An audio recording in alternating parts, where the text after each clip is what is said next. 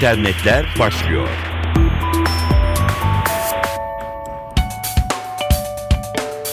Merhaba sevgili dinleyenler ben Dilara Eldaş dijital dünyanın gelişmelerini aktaracağız. Sosyal paylaşım sitesi Twitter'ın kurucusu ve CEO'su Jack Dorsey, oyuncu Fadik Sevin Atasoy'u takibe aldı. Dorsey, Twitter'da sayfasını takip ettiği kişiler arasına Atasoy'u da ekledi. Cumhurbaşkanı Abdullah Gül'ün sayfasını da takip eden Dorsey'in ilgisini çektiği için mutlu olduğunu söyleyen oyuncu, çok şaşırdım. Jack Dorsey gibi dahi sayılabilecek nitelikteki birinin ilgisini çekmek ve takip ettiği isimler arasında Cumhurbaşkanımız Abdullah Gül'le birlikte yer almak beni mutlu etti dedi. Teknolojide ve Apple Samsung'la olan patent davasında büyük bir zafer kazanmıştı ama hiç beklenmedik bir yerden darbe aldı. İsviçreli bir şirkete ait 70 yıllık saat tasarımını iPhone 5'te izinsiz kullandığı ortaya çıkınca Apple telif ücreti ödemek zorunda kaldı. Saat deyip geçmeyin. Apple'ın iPhone 5 ve iPad'lerde de kullandığı saat tasarımı İsviçreli demiryolu operatör şirketi SBB'ye ait.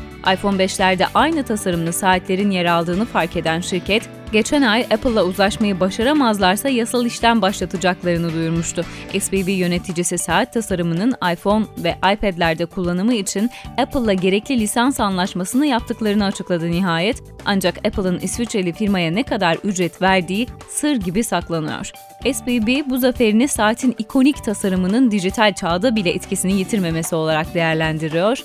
Zira saat 1944'te Zürich doğumlu mühendis Hans Hilfiger tarafından tasarlanmıştı. Hilfiger'in saati İsviçre'deki tren istasyonlarında kullanılıyor.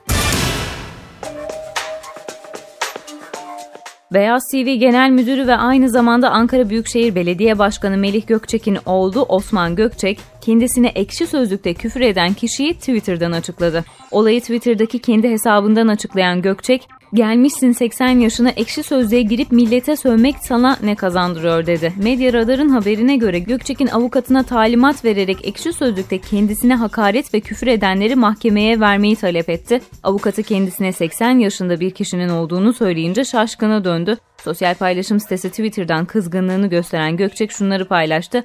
Biraz önce avukatımla bana hakaret ettiği için suç duyurusunda bulunduğum kişiler hakkında konuştuk.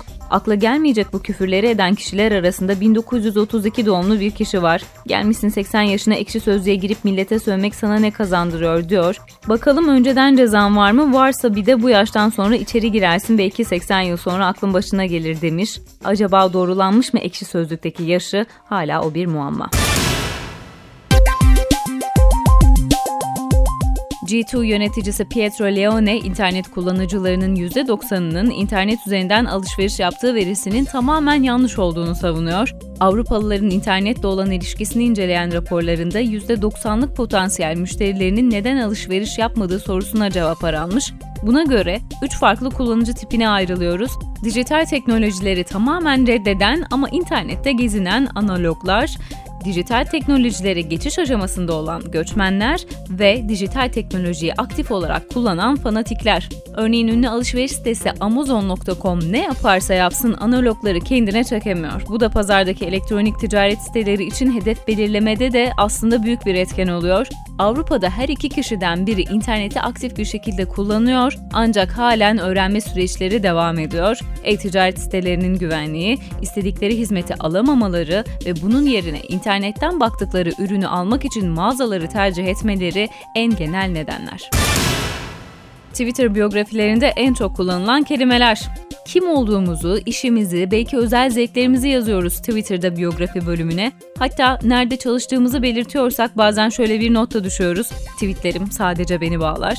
Tweetlerimiz sadece bizi bağlamıyor ne yazık ki o da ayrı bir konu. Bu biyografide kullanıcılar tarafından en çok yazılan ortak kelime neymiş diye araştırmışlar. Araştırmanın sonucuna göre en çok yazılan kelimeye bakılırsa kendimizi duygusal anlamda ifade etmeyi daha çok seviyoruz.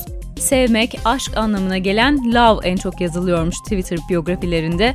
Çocuğumu, eşimi seviyorum, elmalı turta, çikolata severim gibi.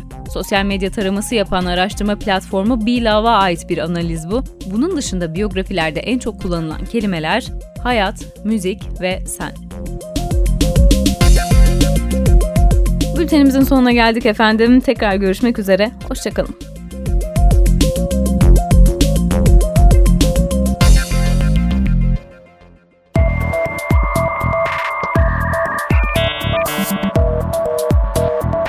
İnternetler sona erdi.